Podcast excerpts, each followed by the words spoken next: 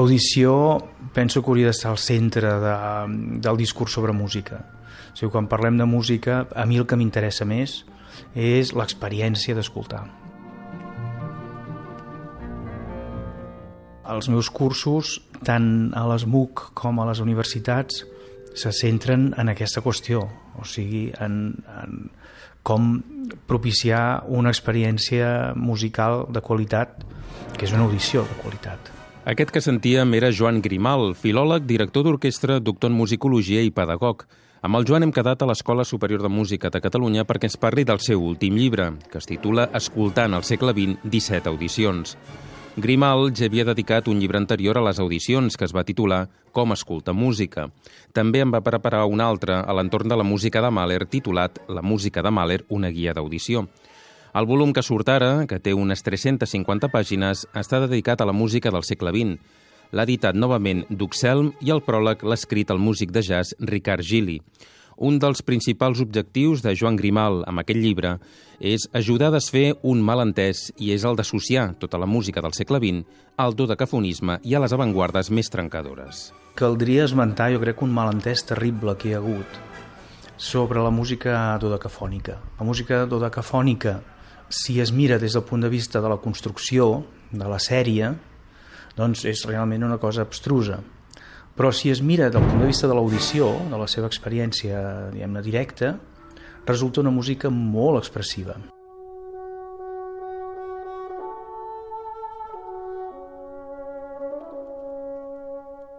Aleshores, aquí hi ha hagut la confusió entre la música serial de després de Webern, eh, la música, per exemple, d'un Bolès, que ara acaba de morir, o d'un Xenakis, no? l'avantguarda dels anys 50, per dir-ho així, que és serialista i que efectivament no busca la comunicació, sinó que busca desvincular-se de tot això i entrar en un territori purament abstracte, que era el que ells consideraven que era el propi de la música.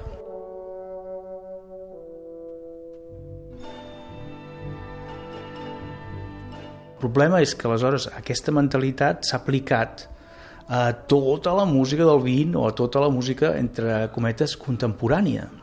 I això és, això és completament fals.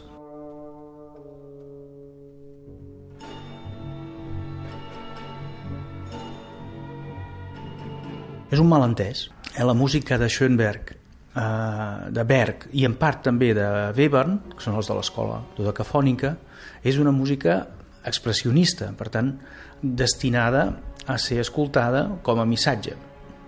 I en canvi la música dels serialistes, que es basen en bona, en bona part en els procediments de Webern i, i de, de l'escola de docafònica, però eh, en els aspectes purament constructius i no expressius, aquesta sí que eh, té, un, té un altre interès que la comunicació.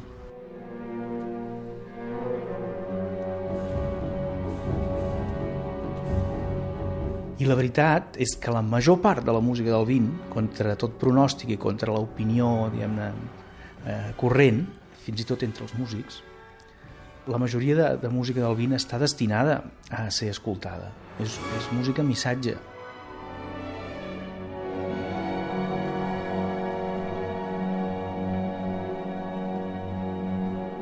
A mi em sembla que la gràcia d'estar en el 21 és veure eh, el 20 amb una certa distància no? i poder començar a criticar certes coses, a posar èmfasi en coses que ens interessen més i deixar de banda coses que no resulten tan interessants des del nostre punt de vista.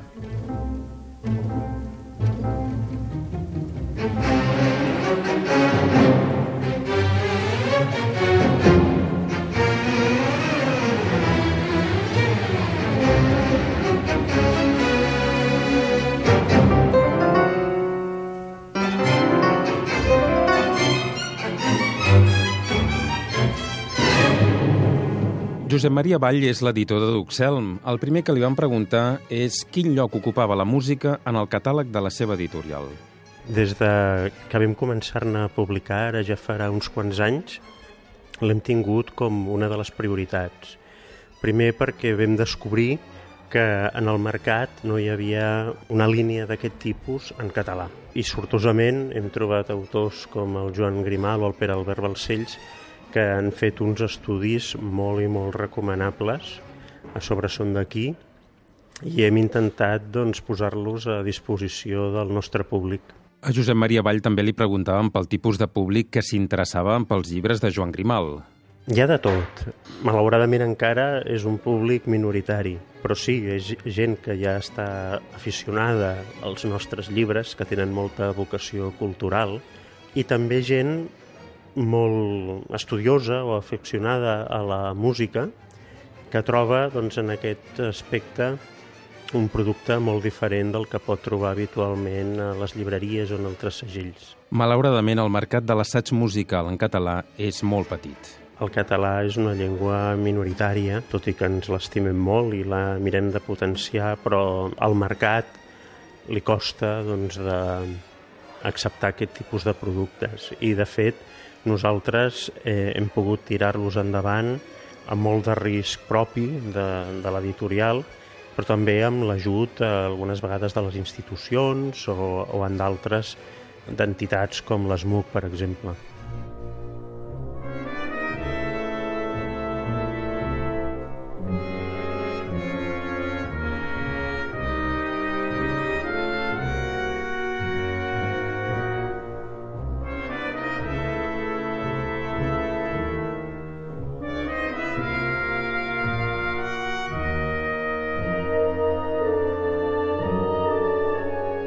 Tornem a aquest escoltant el segle XX. Amb Joan Grimal comentàvem la portada d'aquest volum, en la qual apareixen un seguit d'aparells de ràdio de diferents formes i colors.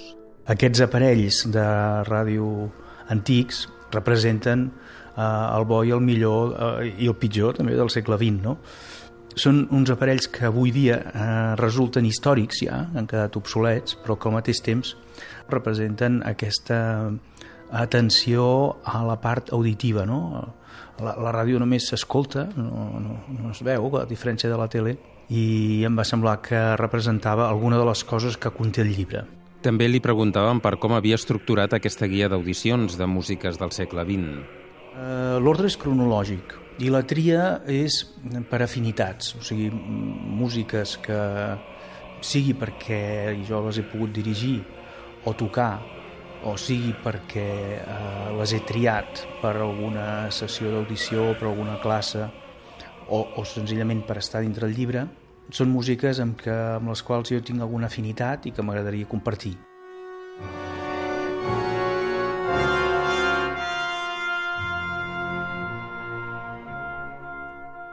Aquest llibre jo no he tingut ni la temptació d'explicar de, el segle XX en conjunt, no? Dic, mira, aquest és el segle XX. Història de la música del segle XX. No, no, de cap manera. Eh? Són aproximacions, són eh, finestretes, eh, aspectes concrets, que potser sí que el llibre en conjunt dona una imatge del que a mi personalment m'interessa de la música del vint. Això sí, però naturalment no pretenc que això sigui una visió eh, global no? que, que doni raó de, de, tot el, de tota la música del segle passat.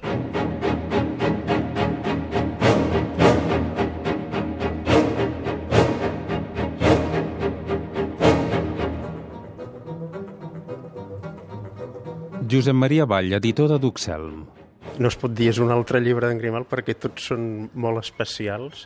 És, és un gran autor, un, un gran savi, un, un gran expert en, en la música que ens plou molt doncs, eh, tenir-lo entre els nostres autors i, i bé, i a sobre doncs, és, és d'aquí, que, que més volem com, com a país. És un llibre que enllaça molt en el primer que va publicar amb nosaltres, que eren audicions comentades. Eh, en aquell moment eren, diguéssim, de la música que popularment es coneix com clàssica, però que anava doncs, des del que és la música antiga fins a, la música del segle XX. Però bé, aquesta vegada vam intentar mm, posar a disposició del públic una guia de 17 audicions, eh, però centrades en el segle XX, que és potser on hi ha un trencament més, més brutal amb la tradició que se seguia fins abans i on el que és la, la música, diguéssim, clàssica contemporània, ara malauradament és eh, marginal per al gran públic. I era la manera d'intentar fer-la conèixer, divulgar-la i mitjançant aquestes eh, guies, eh, guia d'audicions tan meravelloses que fa en Grimal, doncs que la gent l'entengués més i quan entens més una cosa te la fas més teva i la pots gaudir.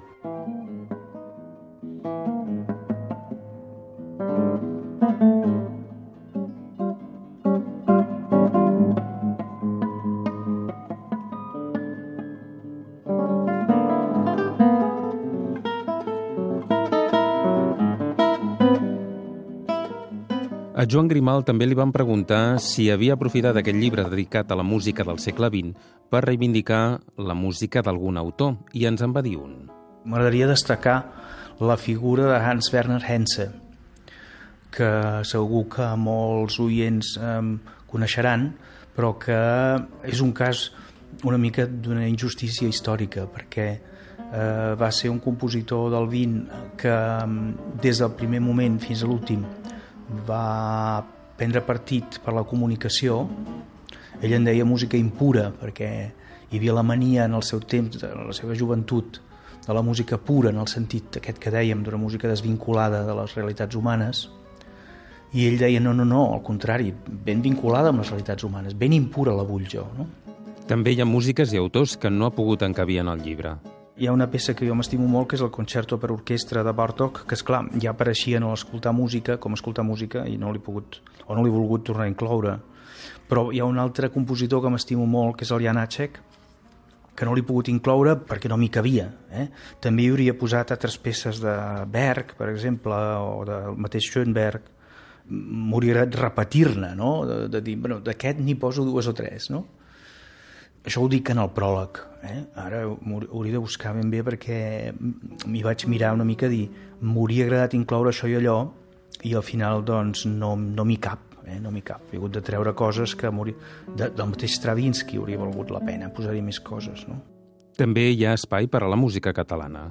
I és Toldrà, amb els sis sonets, que penso que hi havia de ser, perquè és molt important des del meu punt de vista, no hi és Montpou, i segurament també hi hauria de ser, i després hi ha dos amics que, a part d'amics, és que realment els admiro molt, que són el Salvador Brutons i el Bernat Vivancos. Alfred Schnittke, Ella Fitzgerald, Steve Reich, Olivier Messiaen o els Beatles, entre d'altres, són altres noms més que apareixen en aquest llibre. Al final de cada capítol hi ha també la referència del o dels enregistraments que ha fet servir i que recomana Joan Grimal. En alguns casos n'hi ha tres o quatre per poder-ne triar i sempre són al gust de l'autor.